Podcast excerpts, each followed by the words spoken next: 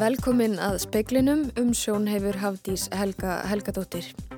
Maðurinn sem varð fyrir skotarási Hafnarfyrði í gær með sex ára sinni sínum fann hvernig glerbrótum ringdi skindilega yfir hann. Þegar hann steg út úr bíl sínum sá hann bissumann á svölum fjölbílishús. Eitt samningamanna lauruglu segir útkallið í gær hafa verið tvísínt.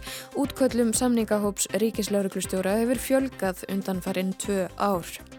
Nýtt COVID-liv getur fækkað sjúkrahús innlögnum um 85%. Stemt er á að lifið verði aðgengilegt hér á landi í haust. Yfirlæknir á landspítala segir að lifið muni skipta sköpum í baráttunni gegn koronavirunni. Alvotek varði í dag fyrsta fyrirtækið sem skráð er á markað samtímis á Íslandi og í Bandaríkjónum. Apotek og heilbreyðisfyrirtæki í Svíþjóð deildu personulegum upplýsingum um viðskiptavinni sína með Facebook án samþykis eða vitnesku fólks. Pólskur maður sem varð fyrir skotárásinni í Hafnarfyrði með sex ára sinni sínum í gær segir að sér sé mjög bröðið. Honum hefði aldrei dottið í hug að hann myndi upplifa eitthvað slíkt á Íslandi og taldi sér búa í einu örugasta landi heims. Hann satt með sinni sínum í bílnum þegar klærbrótum úr bílrúðu ringdi skindilega yfir hann. Þegar maðurinn steg út úr bílnum til að aðtuga hvað væri á segði sá hann mann með riffil á sölunum. Rætt verður við mannin sem varð fyrir skotárásinni sinni í sjónvarsfrettum klukkan 7. Útköllum samningahóps ríkislauruglustjóra hefur fjölgað síðustu tvö ár. Einar Sigur Jónsson, lauruglufulltrúi, er eitt samningamannana sem fóru í útkalli gær. Það hefði allan efni við til þess að fara íla. Við vorum mjög ánum með bara samstarfið, hvernig allt gekk. Bara svona fjölskyldið harmleiku sem að hérna, spilaðist út þannig, bara veikindi eða hvað það er. Og, og, og það var bara áskorun að taka á það en, en hérna mér finnst bara ró yfir öllum með það hvernig það er alltaf að leysa þetta. Við samningum fengum fínan frið til þess að vinna okkar vinnu. Segir Einar Sigur Jónsson hjá Alþjóðadeild Ríkislauruglustjóra. Nánar verður rætt við hann síðar í speiklunum og í sjónvarsfréttum. Paxlovid, nýtt COVID-liv, getur fækkað innlögnum á spítala um 85%. Bandaríkjaman eru byrjaður að nota livið í talsvert miklu mæli en bundnar eru vonir við að livið getur komið hinga til lands í haust.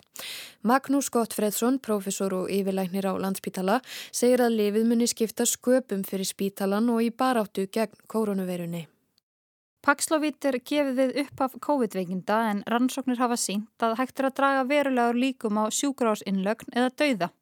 Magnús segir að það sé til mikils að vinna ef hægt er að grýpa í tauman og snemma og afstýra að fólk leggist inn á spítala í miklu mæli. Rannsóknar hafa gengið út af það að, að greina fólk snemma og eh, ef það kom með enkenni og við vitum fyrir reynslu að, að þeir sjúkdómar, hvort sem það eru ónæmisbælandi sjúkdómar, hjertasjúkdómar, lúnasjúkdómar eða, eða reynilega aldur sem að gera það verkum að fólk á eftir að lenda í vandræðum. Við grípum inn í það ferli með snemtegri íhlutun eða lifjögjöf að þá er að draga úr hættunni á sjúkrósinlögum um 85 til 90%.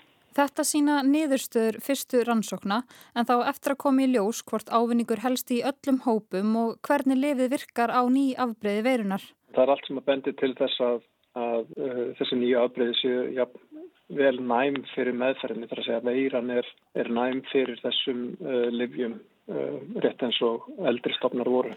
Magnús er ekki kunnugt um að lefið sér komið í nótkun á Norðurlöndunum. Á bladamannafundi sem var haldin um kórunverufaraldunni í Dammörku í gær kom fram að lifi er þið líklegast aðgengilegt þar í lok sumars. Man gerir ráð fyrir því að það verði aðgengilegt uh, svona síðsumars eða í, í byrjun höstsins. Ég gerir ráð fyrir því að við verðum í samflóti með okkar kollegum á Norrlöndunum hvað það var þess. Saði Magnús Gottfredsson, urður Örleistóttir tók saman. Fyrstur réttarhöldinni við rúsnenskum hermanni sem sagaður er um að nauðga úr úgrænskri konu í innrásinni hefjast í kænugarði í dag. Búist er við að týjir sambærilegra réttarhalda fylgi í kjölfarið. Hinn 32 ára Mikael Romanov er ekki viðstatur réttarhöldin. Hann er sagaður um að brjótast inn í hús í bænum Bróvarski næri kænugarði í mars, myrða þar Karlmann og nauðga eiginkonu hans endurtekið. Saksóknari í kænugarði sagði við Reuters í síðasta mánuði að 50 nauðganir væru til rannsóknar hjá ennbættinu. Erindriki á vegum saminuðu þjóðana sagði á dögunum að þessi fjöldi væri sennilega ekki nema brotabrott af heildinni. Leitað verður ráðgefandi álits eftir domstólsins á lögumæti skilmála lána með breytilegum vöxtum. Þetta er niðurstaða hérastóms Reykjavíkur í máli sem neytendasamtökin höfðuðu á hendur Arjónbanka og Landsbanka. Neytendasamtökin telja skilmálar lána með breytilegum vöxtum séu ólöglegir þar sem ákvarðan í bankana um vakstabreitingar séu matskendar og ógeggsæjar. Neytendasamtökin hafa stemt landsbankanum og Arjónbanka vegna þessa en í dag úrskurðaði hérastómur að leita skildi ráðgefandi álits eftadómstólsins á lögumæti þessa fyrirkomulags. Breki Karlsson er formaður neytendasamtakana. Hann segir að dómsmálið varði öll lán sem tekin hafa verið eftir gildistöku laga um fastegnalán árið 2017. Já, við teljum að, að ákvarðanir um vakstabreitninga séu verulega matskjandar og byggi á óskýrum skilmálum og því er mjög erfitt fyrir neytendur að sannreina hvort að þær séu réttmætar. Við sáum það til dæmis að þegar að Sælabankin hófu vaksta lækunarferðli sitt þá tók bankana marga mánuði að fylgja á eftir En núna þegar að Sælabankin hefur hafið hækkunarferðli þá hækka lánin alveg strax. Breki segir úrskurinn vera stórt skref í þá átt að fá kröfur samtakana viðkendar. En á undanförnum árum hafi fallið dómar hjá Evropadómstólnum sem gefi vísbendingar um að skilmálanir séu ólöglegir. Ja, Niðurstaðan var svo að uh, hluta af óskokkar um að vísa málinu til eftir domstólins var uh, samþygt. Málinu hefur nú verið fresta hjá hérastómi þar til niðurstaða liggur fyrir hjá eftadómstólnum. Verði niðurstaðan ekki kært til landsréttar. Svo málsmeðferð gæti tekið 6-9 mánuði. Ástallín Magnúsdóttir tók saman og talaði við Breka Karlsson. Líftækni fyrirtækið Alvotek er nú skráð á íslenskan markað en viðskipti með bref fyrirtækisins hófust á First North markaðnum í dag. Róbert Vessmann, stofnandi og stjórnarformaður Alvotek, ringdi lokabjöllu kauphallarinnar síðdeis í dag. Viðskipti með Alvotek hófust á Nasdaq markaðnum í síðustu viku og er þetta í fyrsta skipti sem Íslenskt fyrirtæki er skráð samtímis í bandaríkjunum og á Íslandi. Róbert segir að skráning fyrirtækisins á markað hérlendis sé raugrétt skref. Er mjög spennt fyrir því að skrá félag á Íslandi. E, e Alvatek er með höfustöðunar hérna á Íslandi. Við erum með 600 stafsmenn af 800 á Íslandi. Við erum fjárfest yfir 100 miljardar hér á Íslandi. Þannig að þetta var auðvitað stór, stór dagur fyrir okkur hérna á þann. Sæði Róbert Versmann, Svein Ólafur Melsteð rætti við hann. Hérastómur Reykjanes úrskurðaði í morgun að Karlmaður á sjötugsaldri sem var handtekinn vegna skotarásarinnar í Hafnarferði í gær skuli vistaður á viðegandi stopnun í mánuð. Samningamenn rættu við mannin á, í á 5. Kluk, klukkustund í gær um að gefa sig sjálfveljugur fram. Góðri samvinnum á þakka að ekki fóru verð, segir Einar Sigur Jónsson, lauruglufulltrúi hjá Ríkislauruglustjóra. Þetta er ekki bara samtalið mitt mín og mótalan heldur er þetta svona technical communication þar sem við erum að vinna að því að afla upplýsinga og leysa verkefni sem best þannig að þau leysist án valdbettingar helst eða sem minnstræð valdbettingar hvernig sem að verkefnið er það getur verið e, heimilisofbeldi þetta getur verið hriðverkóp og við getum við talað um bara andli veikindi. Stæðsti hluti verkefni hjá samlingóp eru andli veikindi. En þegar við komumst í samtalið og komumst að stað með verkefni þá erum við Er nokkuð tæki og tól sem við nýtum. Það sem við erum að reyna að hafa áhrif á, á aðilan, eh, hvort sem að það er að bara róa niður eða minka andlet ójabæði sem hann er í, þannig að hann nái svona betri raukhugsun. Eða bara til þess að taka saman og upplýsa hann jafnvel um hvað, hvað staðan er, hvað er búið að gerast. Og þetta gerir maður ekki einn, það þurfum að vera í hóp. Samningamæður sá sem er e, nummer eitt eða sá sem er að semja hann er kannski fókusur á samtalið en hann heyrir ekki allt sem að sagt er eða að gerast, hvorki þá önnu samskipti eða það sem aðalinn er. Þannig að við erum kannski að leita eftir að finna punta sem maður hættir að vinna með, þar sem ég næði að tengjast við mótalan, sem getur þá haft áhrif að hann breyti hæðun sinni. Og það er svona kannski líkillin í samstarfinu er að mínir samstarfsfélagar, ef ég er samninga aðilinn, hann er að treysta á það að þeir vinni líka úr upplýsingunum þannig að samstarfi verður þá upp á töflu skrifað upp að þessi aðili hafi áhuga á þessu eða þessi þáttur lífinu hafi kannski valdið því að hann er komin í þessar stöðu núna. Og þá eru að ná, ná að vinna inn í það að, að upplýsingarnar getur svo metið og ráðlagt til dæmis sérsveit hvort að við sjáum fram á við náum árangri, hvort að við teljum líkur á að hann skaði einhvern eða skaði sjálf á sig, hvort við séum að sjá fram á eh, einhverja aðrar ógnir eða, eitthvað slíð og þá erum við kannski að gefa reglulega uppdætt á það hvað er að gerast til sérsveitar eða til staðalur. Samlingatækni er svo rótgróðið dæmið, ég hefði það ekki til lauruglæmbætti sem að í heiminum sem að basically notar þetta ekki en við erum mjög, mjög mísmöndi hvernig þau er að vinna með þetta. Ríkið eins og bandaríkin voru fyrst mjög framalega og komið með þetta það sem að kallast virklustun kendur umvöldlega flestum ennbættum í heiminum bara til þess að byrja með í kringum 1970-80 eh, en svo hérna hafa önnulönd eins og Noregur eftir útegi, Breitland eftir þau hriðverk eh, sem hafa verið þar komið mjög framalega í, í hérna, tækninni og við höfum verið að nýta okkur það að þessi tæki og tól sem þeir eru að búið til til þess að vinna með.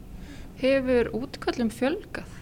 Já, eru okkur upplifin alveg að þeim fjölga verulega að það er svolítið að hafa í huga að það er ekki bara útkvöldum að fjölda, fjölga að því að vandamálinu aukast heldur er að e, menn eru að, að nýta sér tækin meira. Það er að segja að útkvöld sem hafi ekki verið áður er, eru menn að grýpa fyrir til þess að kalla til samlinghóps. Og svo er annar mál hvort að e, ég hef kannski skoðun á því að það var hægt að nýta okkur miklu meira og e, normenn sá það til dæmis eftir úti þá bara breyttu þeir sína að þeirra fræði talsveit mikið.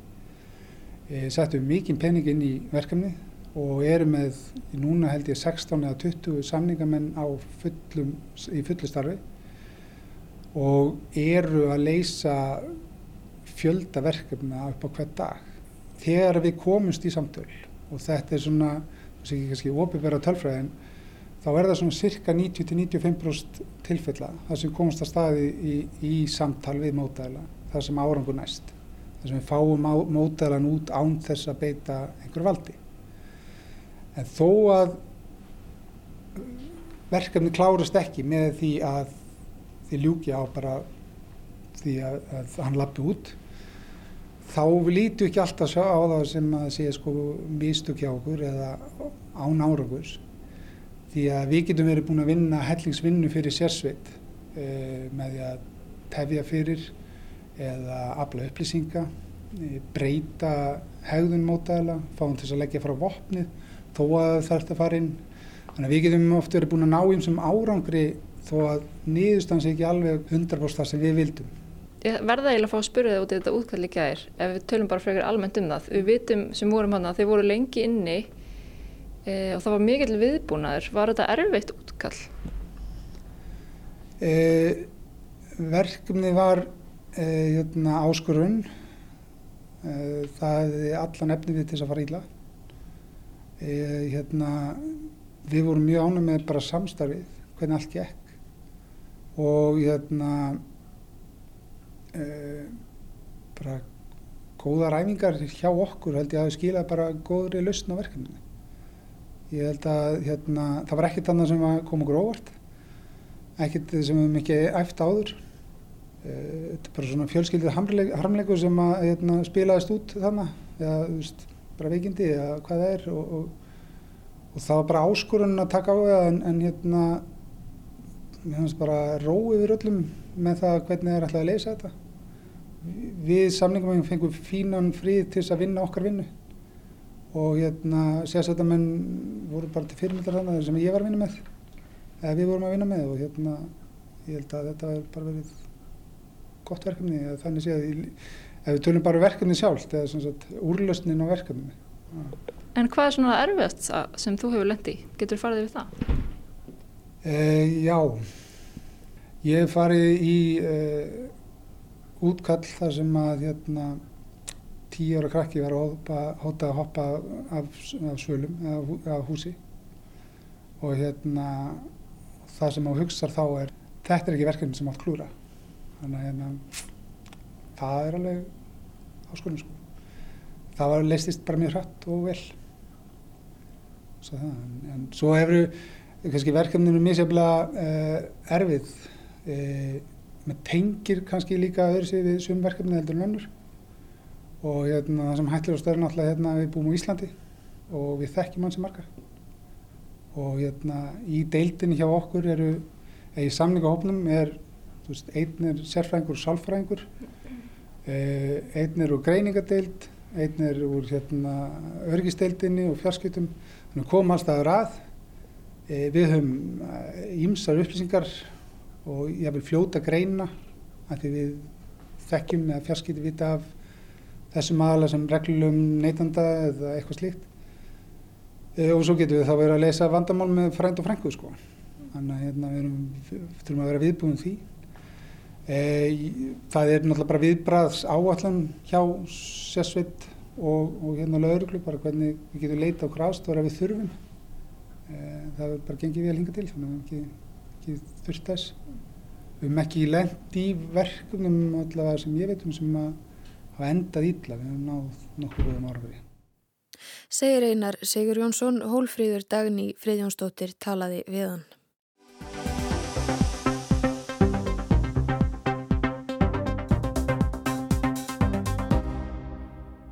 Apotek og heilbreyðisfyrirtæki í Svíþjóð deildu mjög personulegum upplýsingum um viðskiptavinni sína með Facebook án samþykkis eða vittnesku fólks.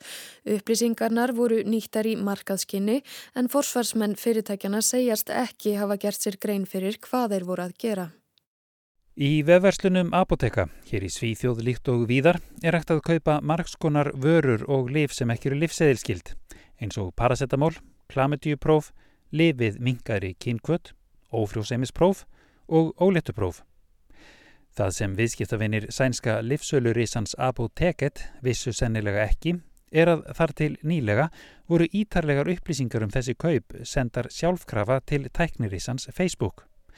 Upplýsingar eins og hvaða vörur voru keiftar, ítarlegar innihaldslýsingar og svo upplýsingar um netfang viðskiptavinarins, símanúmer og í sömum tilvikum kennitölu. Öllu var þessu deilt með tæknifyrirtækinu Facebook án þess að upplýst samþykis væri aflað. Fréttamenn sænska ríkisútvarpsins greindu frá málunu nýlega en segjast ekki vita hvað nákvæmlega Facebook gerir við upplýsingarnar. En gagnavinslan hjálpaði þó apoteket við að fylgja eftir auglýsingaherferðum og gera þær markvisari. Málið hefur vakið hörð viðbröð eftir að það komst í hámæli, en það gilda allaðjafna strángar reglur um trúnaði livsala við viðskiptavinni. Starfsmönnum í apotökum í Svíþjóð er nefnilega óheimilt að veita upplýsingar um fólk sem þangað leitar, sagði Marjan Rinse sem vinnur hjá Livjastofnun hér í Svíþjóð í samtali við sænska ríkisútorpið. Man får inte ens berätta att någon har varit inne på apoteket. Det är ju helt annan åtkomst till uppgifter på nätet en vad det er í verkliga livet. Apotekarar mega ekki einu sinni segja frá því hvort fólk hafi komið inn í apotek, sagði Rinse. Í vefverslun apoteket var hægt að komast hjá því að Facebook fengi upplýsingarnar en til þess þurfti fólk að breyta friðhelgis stillingum á vefsíðinni. Yfirlögfræðingur apoteket, Anna Rogmark, telur að upplýsingum hafi verið deilt um um það byl eina miljón einstaklinga sem verstuðu í vefverslun fyrirtækisins Það kunni að ná allt aftur til ársins 2017. Vi kan inte utesluta att det kan ha pågått sedan 2017. Hur många har påverkats? Vår bedömning är att det är kring en miljon kunder. Hvernig svo ákurinn var tekin að deila þessum upplýsingum með Facebook sagðist yfirlögfræðingurinn ekki vita. Það hafi ekki endilega leiði ljóst fyrir innan fyrirtækisins að verið væri að senda upplýsingarnar. Eftir að fréttamenn sænska ríkisútvarpsins höfðu samband við Apoteket hætti fyrirtækið að senda upplýsingarnar til Facebook og forsvarsmenn þess tilkynntu málið til Integritetsskvitsmyndiketin sístir stofnunar personuvendar hér í Svíþjóð. Apoteket er þó ekki eitt um að fara óvarlega með viðkvæmar upplýsingar um heilsufar og personulegar aðstæður fólks. Annað fyrirtæki í heilbíðiskerunum, Kry, kynnti nýjungi uppafi COVID-faraldursins hugbúnað til að halda fjarfundi með heilbriðis starfsfólki á netinu, búnað sem fyrirtækið sagði örugan. Þrátt fyrir þau fyrirheit voru upplýsingar um netföng og símanúmer fólks sendar til Facebook. Upplýsingar sem læknar segja að geti verið viðkvamar. Bara det faktum att du har sökt mig i något ärende kan vara känsligt för dig. Man ska ju aldrig sprida patientuppgifter på något sätt, någonstans. Bara svo staðirind að þú hafir leitað til læknis geta talist viðkvamar persónuupplýsingar, segir Torsten Mossberg, stjórnanmaður í Lekarförbundet, samtökum lækna í Svíþjóð. Það megi aldrei deila upplýsingum um sjúklinga á nokkur nátt. Þjónustag Kry hefur ekki bara verið notuð í Svíþjóð, heldur í alls 30 löndum. Hún var notuð af um 190.000 sjúklingum í Evrópu fyrsta árið. Forsvarsmenn Krí harma málið og hafa, rétt eins og forsvarsmenn Apoteket, stöðvað gagnasendingar til Facebook og tilkynnt málið til sænsku persónuvendarstofnunarinnar. Þar hefur það verið tekið til skoðunar, meðal annars hvort viðkvæmum heilsufarsupplýsingum hafi verið deilt með óviðkomandi. Að sögn talsmanna Krí snertir málið aðalega sjúklinga og helbriði starfsfólki í Svíþjóð en einnig notendur þjónustunar í Breitlandi, Fraklandi, á Ítaljum og í Þískalandi. Þetta er Kári Kilvason sem talar frá Gautaborg.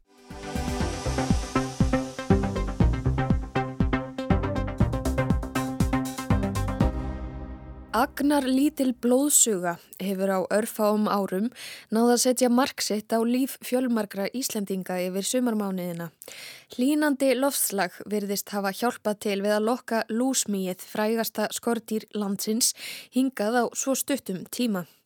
Gísli Már Gíslason er prófessor emeritus í lífræði við Háskóla Íslands. Hún er þekkt frá Míða-Európu og Norður-Európu og Östur í Rúsland mjög algeng til dæmis á Breitlandsegum og er ángra fólk þar. Að minnstakosti þúsund tegundir lúsmís eru þekktar en fram til ásins 2015 höfðu aðeins sex þeirra verið greindar hér á landi. Þær tegundir lögðust ekki á fólk. Svo mætti sjöunda tegundin til leiks og það með látum. Bitvargurinn gerði fyrst vart við sig í kjósinni og Svínadal norðan megin kvalfjörðar en samkvæmt náttúrufræði stofnun Íslands fóru ábendingar fljótlega að berast víðar af suðvestur landi. Íbúar Mórsfellsbæjar, Gravarvoks og Hafnafjörðar fóru hver af öðrum að vakna út bytnir og sama má segja um íbúa í Leirársveit, Melasveit, Skorradal í Borgafjörðarsíslu og fleiri stöðum. Nú er lúsmið að finna í flestum landshlutum. Það má segja að það sé svona álálendi en samt ekki við sjáarsíðuna á Suðurlandi, Vesturlandi og Norðurlandi alveg til eigafjörðar og svo snæðisnesi. Það frekar í uppsveitum en við erum lítið nærum um lífsferil og, og hvar lirfan elst upp vegna þess að það er engi sem er að stunda rannsóknir á lúsmi. Þrátt fyrir einstakann áhuga íslensku þjóðarinnar á þessu agnarsmáa óargardýri virðast skortýrafræðingar hér á landi ekki deila þeim áhuga. Að minnstakosti ekki enn. Gísli segir að tegundin hafi heldur ekki verið mikið rannsökuð í öðrum löndum. Því sé mörgum spurningum ósvarað um fluguna. Við vitum að lirfur lúsmís almennt lifa í deilend annarkot í mýrum, vötnum eða ám, eða lækjum og svo jáfnvel í degum túnum. Hver lengi lirfan er að þroskast, það er ekki vitað en miða við að flugtíminn hér á landi þegar fullundu flugurnar eru uppi við og er að býta fólk, er, eru þrýr mánu. Það gæti að bendi þess að það væri tveir og jáfnvel þrýr lífsverðlar ári. Mm -hmm. Og svo er einn lífsverðin þessi lifan er allan vetturinn og svo kemur fullonufluga, býtur og verpir og svo kemur næstu lífsverðil sem tekur styrtri tíma kannski 1, 2, 3 mánuði fyrir eftir í hverju margi lífsverðlar. Þetta er það sem við vitum um þessar flugur og það er bara fullunastígi sem, sem býtur spendir og, og blóðið er nöðsilegt fendirun svo ekkin getur þroskast og þar getur verðt aftur. Gísli segir að flugan sé nokkuð lífseg og fyrst hún hafi náðað nema land hér sé hún komin til að vera. Hún hefur ekki enn gert vart við sig á vestfjörðum eða austfjörðum. Hann segir þó líklegast aðeins tímaspjörsmál hvenar örsmái bitvargurinn finnist þar. Sko hún er mjög algeng frá Eyjafjöldum vesturum Bjöðurland á Vesturlandi og svo á Norðurlandi vestra að Eyjafjörði og Snæfellsnesi. En svo er til til dæmis tilfelli frá Hortnamferði þar að menn fengi bit þannig að hún er að dreifa sér og það er bæði getur hún fókið til, það er lítið kvíkindi um 1,5 mm og bers með vindum. En einnig þá er hún að berast sennilega með hjólísum og húsbílum og, og svona meðan fólk er að ferðast á sömurinn og þetta er bara inn í þessum hjólísum og svona og berst þannig til nýra svæða. Meira en helmingur allra sumarhúsa á Íslandi er á Suðurlandi og þar er lúsmíð hvað algengast. Dæmi er um að fólk hafi selt sumarbústæði sína vegna óværunar. Gísli segist ekki mæla með því að fólk eldist við lúsmí laus landsvæði til þess að forðast bytt en það stækki útbreyslu svæði þess óðum. Þeir bústæði það sem er mest að lúsmíði, það er það sem er skjólsælast því að þessar flugur er svo litla það get ekki flóið nema í lokni og það sem er mikill gróður í kringu suma bústöðana þá er miklu meira lokn og fólki líður almennt betur þó að það geti verið svona lúsmi sig fylgir Það, en síðan sagt, eru þetta verður fólk fyrst og fremst bitið á nóttinni. Þó að sé bitið á daginn líka það má ekki gleyma því að það situr út í sólinu og það er alveg lokna það getur verið bitið. Það sækir inn í húsin og býtur innan þeirra. Þá gildi sömu ráð og áður. Gísli mælir með því að sofa með lokaða glukka viftu inn í svefnherbergi og fínriðið net eða efni fyrir glukkum Mónika Hjalmtísdóttir, varaformaður félags fasteignasala, segir áhrif lúsmís á sölu og kaup á sumarhúsum landsmanna vera nokkuð takmörkuð. Við heyrum auðvitað þessa umræðu eins og aðrir en við hefum ekki fundið fyrir því að það sé ykkur flótti eða, eða mingun á sölu. En auðvitað spyr fólk, það spyr hvernig, svona, hvernig aðstæður eru á þeim stöðum þess að það sem er að skoða sumarhús. Þannig að það vil auðvitað vita og fólk er náttúrulega að kynna sér þessi mál Lúsmíð verðist í stórum dráttum sækja í sömu aðstæður og viðgerum á sumrin. Lokn og hlýju innan um hávaksinn gróður og það er ekki verra ef vatnir í grændinni. Sumarbústæðir við svæði sem uppfylla þau skilirði hafa hingað til verið mjög eftirsóttir. Má búast við því að það breytist? Já, það er náttúrulega alveg rétt. Vist, við sjáum það alveg að staðir sem eru vinsalastir í sumarhúsum eru til dæmis við völd og þar er lúsmíð mest það eru dýrustu svæðin líka, við sjáum það til dæmis í, á Suðurlandinu og, og Vesturlandi sem dæmi. Og þannig að þetta har svolítið verið að svolítið samkeppni um þetta. En það er náttúrulega þannig að hús í dag, sumarhús, er ekki sumarhús, þetta er heilsáshús og fólk er að nota þetta allan ársins ring og fólk þarf verið að vera bara að breyta svolítið hegðunni sinni. Vist, núna er kannski fólk ekki endilega borða kvöldmattin út á palli í logninu eins og við myndum kjósa þegar svolítið dagar koma. Þannig að fólk þarf að fara þá frekar inn og eh, fólk þarf þá að breyta í raun og verið hegðun sinni bara aðlaga sig að þessum aðstæðum. Þannig að við erum ekki að sjá fólk sé að mjög flotta þannig að fólk er bara, við erum bara að læra að lifa með þessu. Þannig að ykkar tilfinningar ekki svo að fólk sé bóstalega að gefast upp á sömarhúsum vegna þessa? Alls ekki, alls ekki. Og, og þetta er bara, þessi markar er raun og verið bara nokkuð svona bara jafn og þjættur, það er bara búið að vera eftirspurn eftir þessu svona jafn og þjættur, náttúrulega ekki sama sem í lætin og hafa verið á íbáðarhúsnaðum en, en við erum bara, sjáum bara þennan markaðurinn verið að vaksa og dafna áfram. Segir Mónika Hjálmtísdóttir áður heyrðum við í Gíslamá Gíslasinni. En þá eru að veðurhorfur næstu daga, norðlæg átt ríkjandi, fremur kallt á norður og austurlandi og væta af og til, lengst af úrkomu lítið á söður og vesturlandi, bjart með köplum og mildara, hlínar eftir helgi. Fleira er ekki í speiklinum í kvöld, tæknimaður í útsendingu var Magnús Þóstein Magnússon, veriði sæl.